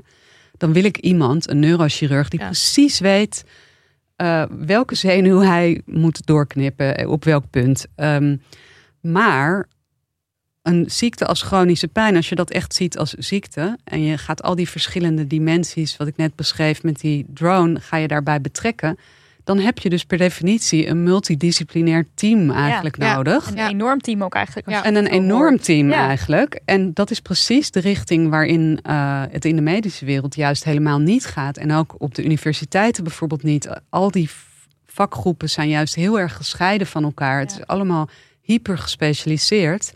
Eh, en het wordt eigenlijk alleen maar steeds gespecialiseerder. We kijken steeds meer en steeds dieper in het lichaam. We krijgen steeds hogere resolutie eigenlijk. Maar voor sommige ziektes zien we eigenlijk steeds minder. uitzoomen, ja. Ja, En ook wel met artsen, wat je, wat je ook wel hoort van mensen, ehm, is dat, ze, dat een arts niet zo snel eerlijk zegt: we weten het niet. Wat, nee. En dat wil je ook niet horen verschrikkelijk natuurlijk. voor je, maar we weten het voor nu niet. Ja, je wil dat natuurlijk ook niet. Want je gaat ook, dat, dat is ook iets wat in de samenleving zit. De verwachtingen die je ook hebt van een arts. Dat Moet ook zeggen, dat krijgen we ook echt aangeleerd, toch? Ja. Zo van, nou, je, je hebt Je gaat iets, je naar gaat de naar de dokter, dokter. en je krijgt een pil of je krijgt dit of dat en Ja. dan is het gefixt. Dat, dat is het. Ja. Zo, zo ben je opgevoed en zo werkt het. Ja. Maar zo Dus dat zijn is- artsen ook heel erg opgeleid. Ik bedoel, Nou, ik ja. denk dat de houding gewoon van Zeker. iedereen hier is. Ziekte is tijdelijk. We gaan je beter maken. Ja. Klaar. Ja. Ja. en als het dan niet lukt, Ja, en het is ook, je bent ziek of je bent beter. Ja. Hè, ik heb ook een paar aantal keer in mijn boek eh, verwezen naar Grey's Anatomy. Want dat is echt de Mm. serie waar je echt alles kunt leren over hoe we kijken naar ziekte en gezondheid. En eh, hoe eigenlijk de hele westerse samenleving daarin staat. Er is altijd, is het, is, gaat het om eh, de chirurg. Die gaat wel of niet het leven redden van de patiënt. Ja. Ja. En op het eind is hij wel of niet gered, wel of niet dood. En dan wil je weer naar de volgende. Ja. En je ziet nooit waar eigenlijk het levendeel van de gezondheidszorg uit bestaat. Al die chronische ja. eh, ziekte die er is. En die dus ook inderdaad heel veel geld kost. Maar misschien ook wel zoveel geld kost, omdat er gewoon niet goed eh, onderzoek naar wordt gedaan. En niet goed op in wordt gegaan. Niet goed wordt geluisterd. Ja. Eh, ja. Ja. Dus daar is denk ik echt nog een wereld te winnen. Eh, maar dat is, dat, heeft, dat is absoluut iets waar de hele maatschappij mee te maken heeft. Dat, Ja. dat, dat, eh, wat wij verwachten van een arts. Artsen worden bijvoorbeeld ook in de opleiding leren ze bijna niks over pijn. Ze leren toch vooral pijn als symptoom te zien. Eh, ik heb ergens gelezen, volgens mij was het 19 uur in de gehele opleiding. Oh, ja. Terwijl je toch denkt, patiënten komen toch vooral. Pijn is een van de eerste dingen waarmee je naar de dokter gaat. Ja. Want dat is echt, ja, dat is iets waar je last van hebt. En dan ga je naar de dokter. Ja. Maar ze weten er eigenlijk heel weinig van, van eh, chronische pijn. Het begint wel een beetje te veranderen, maar het is echt nog wel, eh, wel weinig. Hoe denk je dat Nederland eh, momenteel kijkt naar pijn? Want je schrijft het is cultureel bepaald wat, wat pijn is. En het heeft ook in de geschiedenis is het veranderd. Hoe denk je dat we Ja. er nu voor staan? Ja, nou, ik denk wat, ik zelf, ik heb ook wel lang teruggekeken in de geschiedenis. Ik denk ten eerste dat, eh, dat de, het idee van een volledig gescheiden lichaam en geest, wat we ook letterlijk hebben met geestelijke gezondheidszorg en de somatische gezondheidszorg, ehm, eh, dat dat eigenlijk nog maar best eh, kort, vanaf Descartes eigenlijk, eh, hebben we dat in de samenleving. En Wanneer daarvoor, leefde Descartes? volgens mij de 18e eeuw. Oh ja, zoiets in- 17e, Ja, 17e, ik denk 18e wel even- eeuw. Dus we hebben het over een paar Ja. honderd jaar. 17e eeuw, denk ik. Ja, nou ja, een Eh, paar honderd ja, jaar. paar honderd- duizenden. Ja. Nee, niet du- als je dus langer terugkijkt, dan zie je eigenlijk, en dit is ook alleen maar dan in het Westen, want in een heleboel andere eh, culturen zie je dat er nog steeds heel erg die verbinding van lichaam en geest is. En dan heb ik het dus niet over, eh, dat is misschien ook nog wel goed om even duidelijk te maken, dat ik het heel lastig heb gevonden om een soort ideale balans te vinden in dat praten over lichaam en geest. Want ik had altijd het gevoel dat ik ook weer daarin een soort ja-nee keuze had. komt alles nou door de geest? Hè?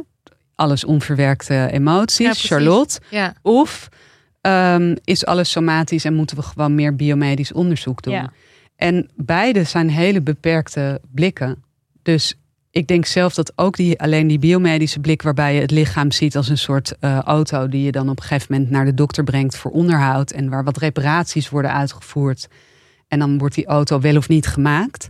De, de Grey's Anatomy view, Ja, zeg maar beperkt. is ook heel erg beperkt. Ja. Dus ehm, ja, ik denk dat we op dit moment eh, in Nederland toch nog steeds wel, er, er begint wel een klein beetje iets te kantelen. Er zijn wel iets van onderzoeken en eh, juist ook wel bijvoorbeeld in die immunologie, waar je dan ziet echt van nou, eh, overweldigende ervaringen in de jeugd hebben daadwerkelijk, dat kun je terugvinden in de, in, letterlijk in die cellen. Dat is wel echt En fascinerend. ja, dat trouwens. vind ik dus ook echt. Dat vond ik een van de ja, meest fascinerende uitkomsten van een van mijn interviews. Dat dat dus echt zo is. Ja. En, eh, dat, het, ehm, ja, en dat betekent niet dat je dan gedoemd bent om eh, pijn te hebben de rest van je leven. Maar wel dat je een bepaalde kwetsbaarheid hebt. Waardoor je dat sneller kunt ontwikkelen. En door een soort perfect storm van. eh, nou ja, zoals bij mij, zo zie ik dan. Je vroeg net naar mijn pijnverhaal Mhm. Ik zie dat dan eigenlijk een beetje als de perfect storm. Ik zat in New York, ik had drie kinderen gekregen. Ik wilde stoer zijn, ik wilde snel weer in shape zijn. eh, ik wilde succesvol zijn, ik wilde doorbreken met een bestseller. En eh, ik was Heel veel tegelijk. eiste enorm veel Ja. van mezelf. Ehm, ik was best wel eenzaam daar. Terwijl iedereen zei: Oh, New York is fantastisch. Wat gaaf dat je daar woont. Nou ja, dat vond ik dus helemaal niet zo heel erg gaaf. Ehm, en ik had die eh, blessure, kreeg ik. Dus achteraf denk ik, ja. En daar heb ik daarna vervolgens ook niet goed op gereageerd. Ik ben niet snel genoeg weer teruggegaan naar de dokter.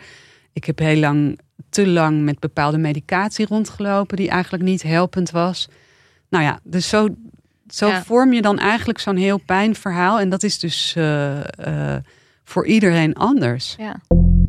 Sponsortijd. Het grootste literatuurfestival van Nederland is er weer schatten. Het is ILFU, het twee weken durende International Literature Festival Utrecht. Dus dat is in Utrecht. Op velerlei locaties, bijvoorbeeld in Tivoli Vredenburg, de Stad Schouwburg, Kinopolis. Nou, Kina Paulus. Ja. Nou, dit is van 23 september tot en met 7 oktober. En dan kun je allerlei boektalks bijwonen. Gesprekken, masterclasses, poëzielezingen, noem het maar op. Van heel veel nationale en internationale schrijvers. Nou, op 7 oktober, zaterdag, is de 40ste nacht van de poëzie.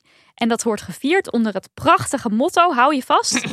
Zullen wij confetti van onszelf maken en gaan dwarrelen, feestelijk en ongericht. Oh, hou op, vind ik mooi. Dwarrel feestelijk mee zou ik Ja. zeggen. Of ga naar een onderdeel van de 1000 Dichters Marathon, want die wordt in 13 steden georganiseerd. Ook een hoogtepuntje, festivaldag Exploring Stories op 30 september. Eén hele dag, 25 schrijvers die optreden in zo'n 15 programma's. En dan gaan ze in gesprek met journalisten, filosofen en wetenschappers over onderwerpen als klimaat, feminisme, eh, AI en polarisatie. Nou, het is echt een line-up waar je u tegen zegt hoor. Ik deed een snelle scroll en ik zag al Francine Ome en Tatjana Almouli over intergenerationeel trauma. En ik zag Ajobami Adibayo en Pelumi Ajajumo over Nigeria. En dan tegen wil en dank ambassadeur moeten zijn van je land of zelfs een compleet continent. Er gaan ook schrijvers praten over maatschappelijke bemoeienis met het vrouwelijk lichaam en onze gedeelde toekomst na de slavernij-excuses. Het houdt niet op. Er zijn heel veel onderwerpen, heel veel schrijvers. Het is gewoon alles. Nou, het is gewoon een feest, een literair feest. En als je het mee wil pakken, bekijk dan snel het hele programma op ilfu.com en bestel kaarten zodat je niets hoeft te missen. En Ilfu, dat spel je dan met I-L-F-U.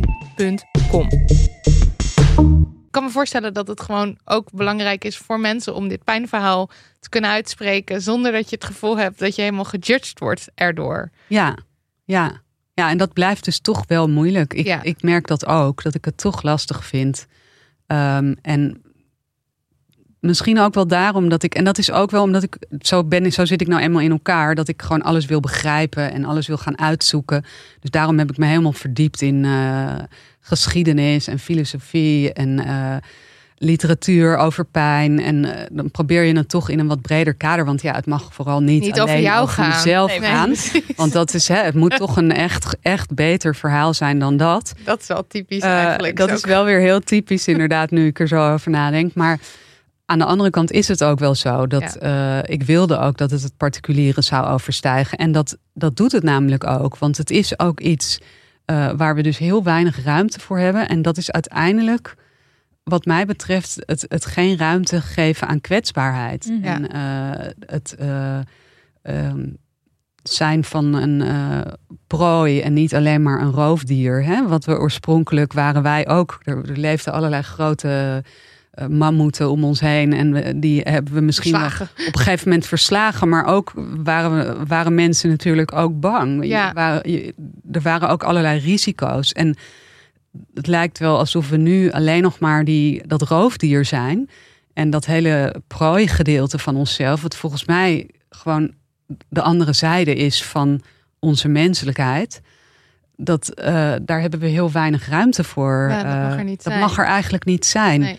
En ik denk zelf dat daar wel echt de crux ligt voor, ja. ja. misschien wel heel idealistisch hoor, maar voor een andere wereld.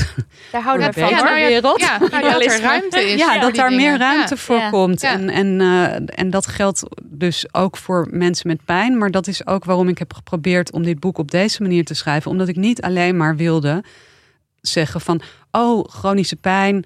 Uh, we moeten een bekende Nederlander vinden die heeft chronische pijn. En dan gaan we die neerzetten. En dan krijgen we geld. En dan krijgen we een vereniging. Dus zo zijn er zoveel van dat soort. Hè, er zijn allemaal van dat soort lotgenoten groepen die het opnemen voor hun eigen ziekte. En dat vind ik eigenlijk, dat stemde me eigenlijk ook heel treurig. Ja. Dat ieder zo voor zijn eigen uh, parochie moet preken. En geld moet inzamelen. Terwijl ja, niemand heeft eigenlijk heel veel begrip dan voor, die, voor mensen die net een ander soort ziekte Ja. hebben. Ja. En dat het dus toch ook nog wel echt vaak is dat er pas aandacht is voor een bepaalde ziekte. Als je denkt, oh, maar opeens heeft mijn oom dat. Waarom hebben we het hier niet met z'n allen over? Precies. Ja. Terwijl, ja, Precies. voordat jouw oom het had, waren er veel al... mensen Ja. al. Het ja, is heel en dat heb je natuurlijk ook als je het over feminisme hebt, heb je natuurlijk ook de duizend en één onderwerpen die je aan kan tikken. En ja, dan moeten wij maar net, Marilotte en ik, maar net denken, oh pijn, Ja. daar gaan we het over hebben. Ja. Terwijl mensen thuis zitten van, ja, maar je hebt nog steeds niet over bevallingen gehad. Ook interessant, pijn en bevallingen. Ja, ook ja. gewoon op de lijst, mensen. Ja, maar snap je? Het ja. is natuurlijk, ja, eh, eh, Ja. eh, ja, je wil uiteindelijk een wereld inderdaad waarin er naar iedereen wordt omgekeken. Ja, en ja, dan, iedereen- dan zal je heel Ja. veel dingen, nou, oplossen is misschien een groot woord, maar begrip en, en, en ja, Maar ik heb het gevoel dat het echt zo... Want nu zijn het dan allemaal kleine, kle- kleine, kleine klutjes. Ja, ja, was Ja. mooi gezegd. Ja, dat was eh, mooi gezegd. Eh, dat, dat woord ga ik meer gebruiken. Maar het zou gewoon een grote paraplu moeten zijn. Ja. Van waarin Ja. iedereen meegenomen wordt. Ja. En dat het niet gaat over een individueel ding, maar over een groter ding. En Ehm, is het eh, spelen eh, impliciete vooroordelen een rol bij chronische pijn? ja, dat denk ik zeker. Ik denk dat het idee toch is, er, dus, hè, er is een soort bikkelcultuur van waarin we het idee is dat je dingen moet weg, wegstoten, wegsporten, ehm, kiezen op elkaar. Ehm, En wie zijn dan niet de bikkels? Vrouwen. Ehm, vooral, ja, ik denk dat, ik bedoel, ik, het is lastig om van hè, de masculine en de feminine manier, want dat is ook weer heel beperkend. Maar om het dan even tussen aanhalingstekens toch te zeggen, is de masculine manier natuurlijk van hè, je schouders eronder niet zeuren, nergens over praten en doorzetten. En is de feminine manier eh, lotgenoten, contact, eh, huilen, ehm, je uiten. En ehm, daar is, eh, dat wordt veel minder gewaardeerd Wordt op neergekeken. daar wordt op neergekeken. Het, het is toch vooral, eh, ja, je, je ziet dat overal. Toevallig, mijn moeder is nu heel erg ziek en eh, die moest een heel nare procedure ondergaan. En dan zegt ze tegen mij, ja, ze zeiden wel van dat het echt heel pijnlijk was, dit onderzoek. En dat ik echt een bikkel was geweest Oh. hoor. En dan, Oh, dat ze dan iets ja, dan, alsof je dat moet verdienen. Dat je, dat je een pijnstiller hebt gekregen. Mhm. Of eh, ja, ik vind dat eigenlijk zo triest. En heb je dat ook een beetje geïnternaliseerd? Dat Ik denk het wel. Ik denk dat- lotgenoten, eh, daar moet Ja, niks mee. Ik denk dat, eh, het, ik, denk dat, het, dat, eh, dat ik dat geïnternaliseerd heb. Ja. En zeker in het begin. ehm, mensen zeggen ook vaak tegen mij van ja, want jij bent natuurlijk geen surpiet. Oh ja. En dan Dan zeggen ze dat, ja. bedoelen ze dat lief, hè? Van ja, jij hebt het echt, maar andere mensen hebben het niet echt. Maar jij, want jij bent ja. zo'n stoere bikkel, altijd. Zo kennen we je. En dat is bedoeld als compliment. Ehm, maar de- eigenlijk vraag ik me dan af, is dat wel zo'n compliment? Hè? Van, eh, is, is dat inderdaad de norm? En door zo'n compliment durf je waarschijnlijk ook weer minder snel te Precies. praten over wat je voelt en, en waar je verdrietig over bent, waar je mee zit. Ja. Als het gaat over je pijn, omdat je die wikkel bent. En dan ben je die wikkel niet meer. Ja, ja, dus het is heel lastig. En het, ik, ik denk dat het. eh, ik, ik, ook dit, ja, je moet het gewoon niet individuele mensen aanwrijven dat het moeilijk is om ermee om te gaan. Want ik vind het ook moeilijk weer om met andere dingen om te gaan. Eh, dus, maar het is wel een algemene bewustwording van. eh, ja, iets meer ruimte voor die kwetsbaarheid. En dan niet alleen maar als gimmick, hè, wat je veel ziet op social media. Van eh, ja, zo één zo'n post van een influencer van ik ben ergens kwetsbaar. Ik vond dit ook heel eng. Ja. En nu heb ik het overwonnen. Maar dan wordt het eigenlijk weer onderdeel van Ja, dat het heldenverhaal. Ja. Van hè, die mammoet die we hebben gedood. En eh, dan is het toch weer zo'n soort verhaal. Ehm, Terwijl het, het verhaal zou moeten gaan over dat het, dat, er niet is, dat het niet tijdelijk is. Dat het dus gewoon ook kan zijn dat het altijd aan de hand is. En dat we daar ook, ja, ja, wat is het? Gewoon Ruimte. ruimte voor hebben, ja. ja Hey, maar we hebben het nu over seksisme gehad, maar je hebt natuurlijk ook eh, racisme, klassisme. zeker. Ja. Hoe, hoe zie je dat terug bij gewoon... Ja, wie mag... Nou wie ja. moet er pijn hebben? Dat Ja. is eigenlijk een beetje de... ja, wie heeft er, wie, welke staan pijn wij is toe? worthy? eh, ja, zo en- van, en oh, maar wat- jij mag wel pijn hebben. Want Ja, jij... eh, recht van spreken. Nou ja, goed, als je, als je kanker hebt, dan mag je natuurlijk wel pijn hebben. Ehm, maar in het algemeen heb je, je ziet in Nederland dat er minder onderzoek is gedaan dan in eh, de Verenigde Staten naar racisme mhm. in de gezondheidszorg. Dat is ook echt een tekort eigenlijk in Nederland. Er zou veel meer onderzoek naar moeten worden gedaan. Maar als je kijkt naar de onderzoeken die er bijvoorbeeld die je in Amerika ziet en ook de paar die er dan in Nederland zijn gedaan, dan is het heel duidelijk eh, dat eh, mensen met een niet-westerse achtergrond vaker worden onderbroken, eh, minder snel pijnstilling krijgen, langer wachten in op de eerste hulp. Dat geldt trouwens ook voor vrouwen. Ehm, en ik denk dat inderdaad klassisme, dat dat ook. ik merk dat zelf als ik bij een arts zit en ik, dan is dat een. Stel dat ik een blinde darmontsteking heb, dan is dat een vrij recht toe recht aan verhaal. Mhm. Hoewel ook daar voorbeelden zijn van discriminatie van eh, eh, niet-westerse mensen. Maar ehm, als je dus iets ja, vaags, om het dan maar, hè, het is voor mij helemaal niet vaag, maar iets vaags als chronische pijn hebt, dan is er een hele grote eh, vrije ruimte tussen Ja, de arts en de patiënt. Ja. Dus als ik dan, en die arts moet dan gaan beoordelen van hoe verslavingsgevoelig is zij, welke medicatie kan ik voorschrijven, Ehm, wat, wat moet ik precies met haar aan. En dan helpt het natuurlijk heel erg als ik kan zeggen van oh, ik ben daar ook op vakantie geweest. Of eh, Ja, Als je kan levelen met ja, wat ik ook heel vaak doe, eh, en dat weet ik gewoon dat ik dat doe.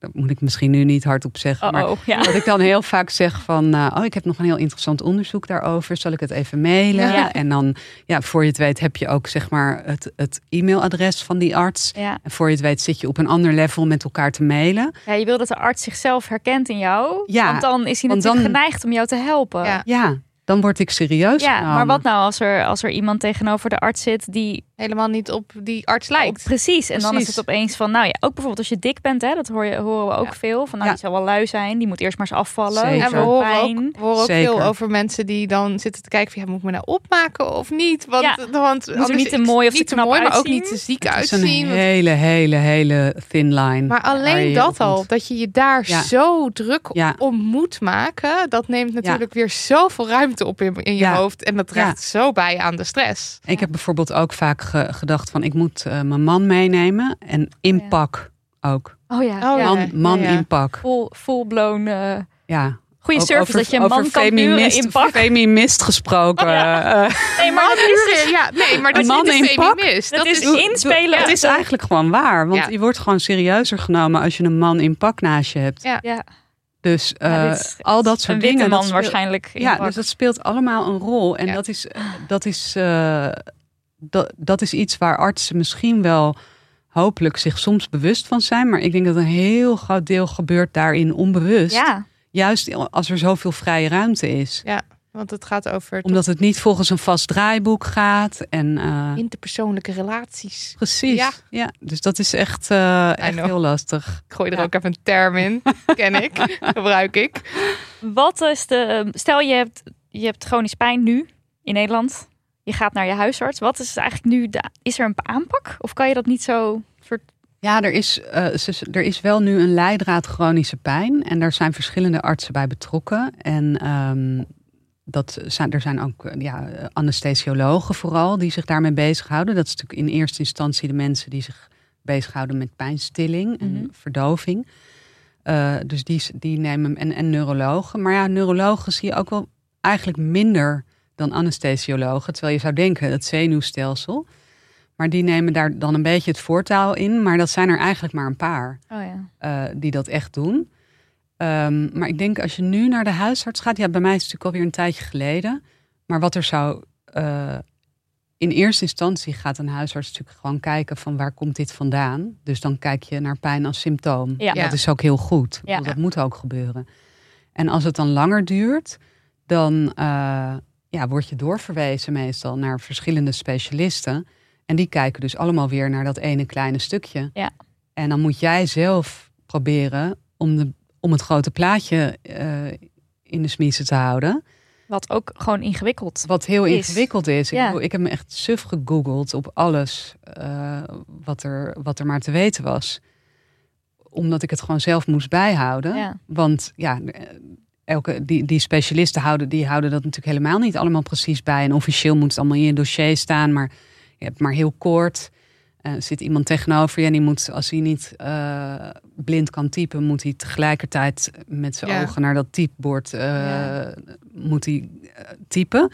En Dus- dan ben jij nog iemand die gewend is om onderzoek te doen en dat een beetje alles op een rijtje te zetten. Ja, zo. en om de juiste vragen te stellen en om eh, zo snel mogelijk, zoveel mogelijk gebruik te maken van mijn kostbare 15 minuten. Ja, Ja. precies. Eh, ik heb me helemaal voorbereid en eh, ik kan me zo voorstellen dat er zoveel mensen zo gefrustreerd raken en ook eigenlijk weer een soort extra trauma krijgen Ja. Erbovenop. door hoe ze behandeld zijn Ja. eh, door artsen. En, en wat zou er dan anders moeten?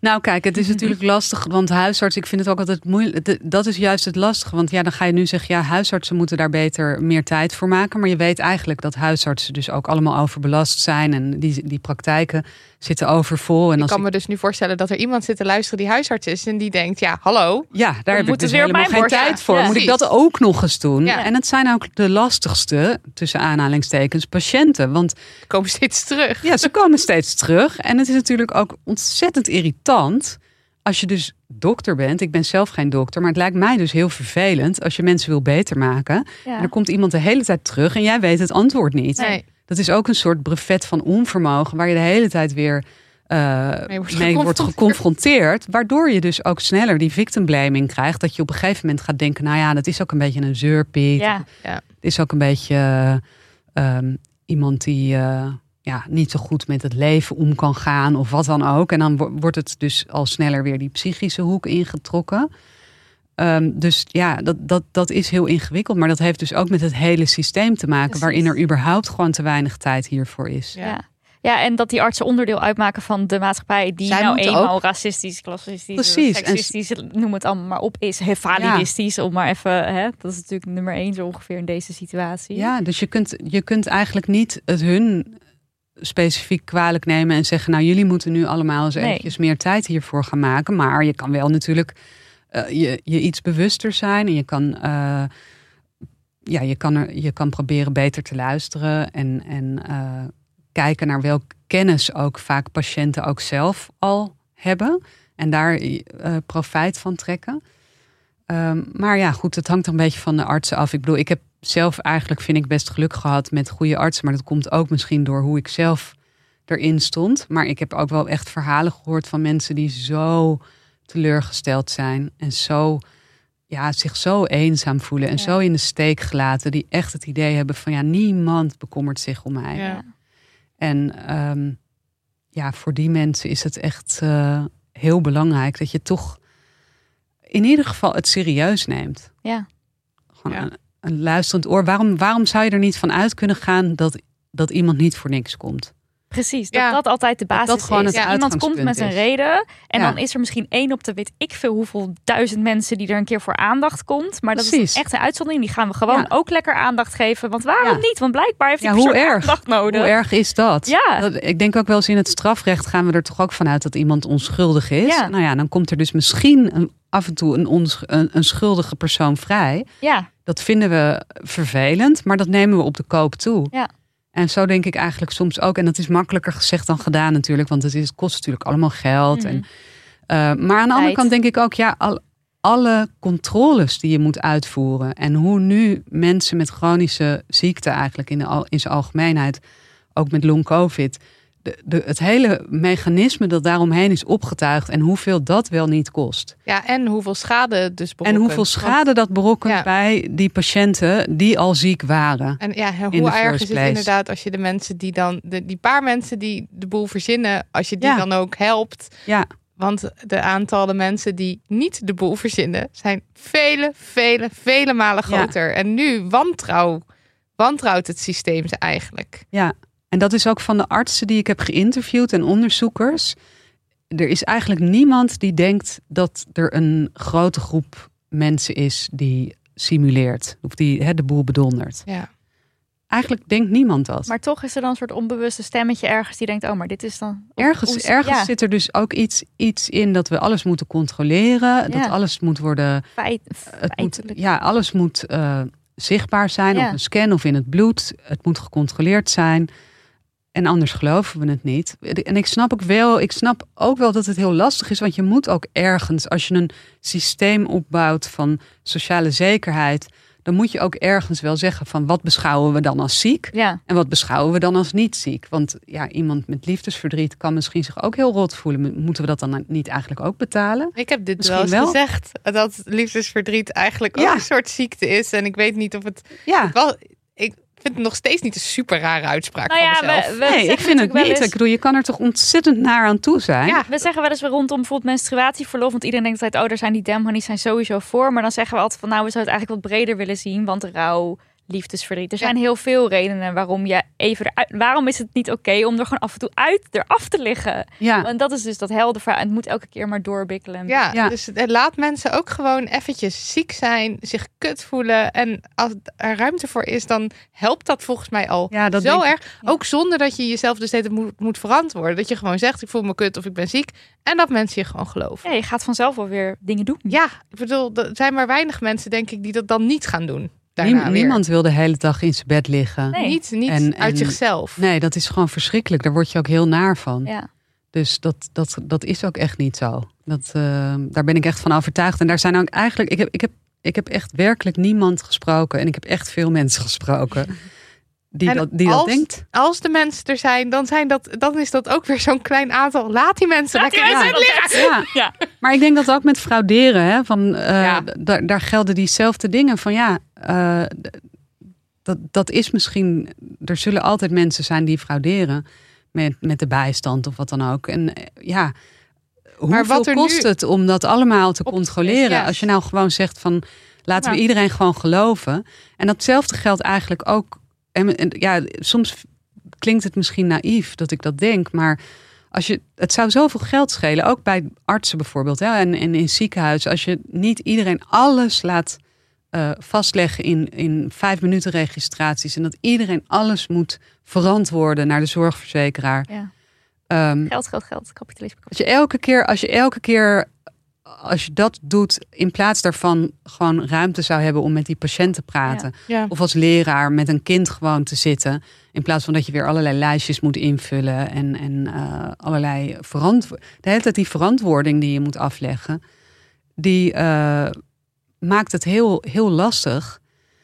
En, en maakt het ook heel snel dat, dat een patiënt dat eigenlijk internaliseert. Want die voelt dat, die Ja. zit in die samenleving en die gaat bij voorbaat al niet de zeurpiet willen zijn. ja, en de Dus die bikkel gaat willen zijn. extra zijn best doen, Ja. of haar best, eh, om eh, die bikkel te zijn. Ja. Het is eigenlijk net zoals bij een patiënt met chronisch pijn. Er is geen enkelvoudige oplossing voor het algemeen chronische pijn Precies. aanpakken. We moeten systeemverandering. Ja. Ja. Heb jij de pijn een plekje kunnen geven in je leven? Ehm, nou ja, voor een gedeelte wel. Ik heb sommige dingen wel geaccepteerd. Ehm, maar voor een gedeelte blijf ik ook, nou ja, dat zei ik net ook, dat ik ergens ook soms wil blijven doen alsof het er niet is. Ja, omdat het je verder. Omdat het mij verder helpt en omdat ik ook die energie nodig heb om op door te gaan. Maar ja, het is een proces. Ik bedoel, ik ga nu eind eh, van dit jaar weer een operatie ondergaan. Dus ik heb in die zin ook, ja, ik heb het biomedische verhaal nog niet opgegeven. Er is nog hoop. Ja. Er, is, er blijft in die zin toch hoop. Ja. En dat vind ik ook bijvoorbeeld een vervelend ding van die hele psychosociale benadering, of de eenzijdig psychosociale benadering, dat alles wat je biomedisch nog aan hoop hebt, eigenlijk wordt gezien als klachtonderhoudend. Oh ja, dat vind ik ook zo Hè, dat heftig. is dan klachtonderhoudend gedrag. Ja. Omdat ja, kan je dus dat nog... kort uitleggen voor mensen die dat niet Ja, helemaal dus als je, ehm, ja, als je dus nog hoop hebt, zoals ik dan op die operatie, dan sta je dus niet open voor acceptatie Ja. van je ziekte. En als je accepteert, dan kun je gewoon accepteren, dit is, dit is Wat hoe het is. is. En dan kan je daaruit uiteindelijk, is dan het idee, als je het helemaal accepteert en kunt ontspannen en je trauma's verwerken en positieve gedachten hebben en eh, nou ja, doseren, al die ja. dingen die je moet doen.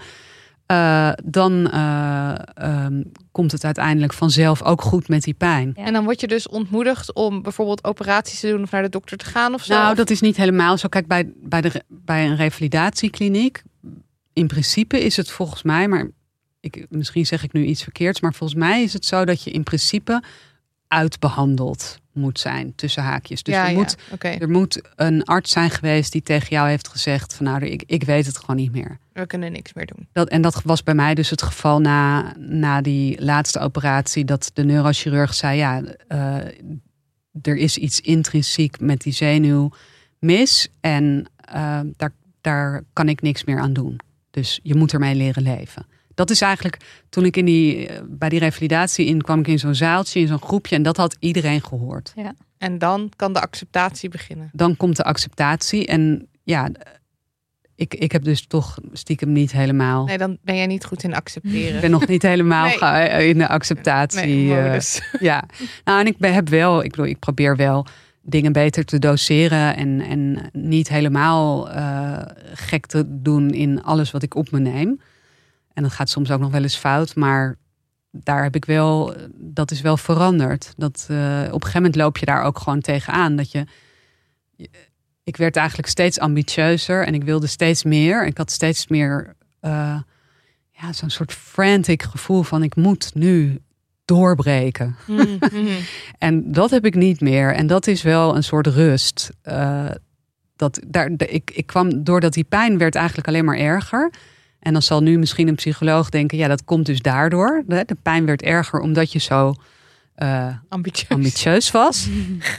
Nou, dat, dat, Ja. daar zit misschien gedeeltelijk iets in. Daar sta ik ook nog best voor open. Maar gedeeltelijk is dat ook niet het enige verhaal, Nee. wat mij betreft.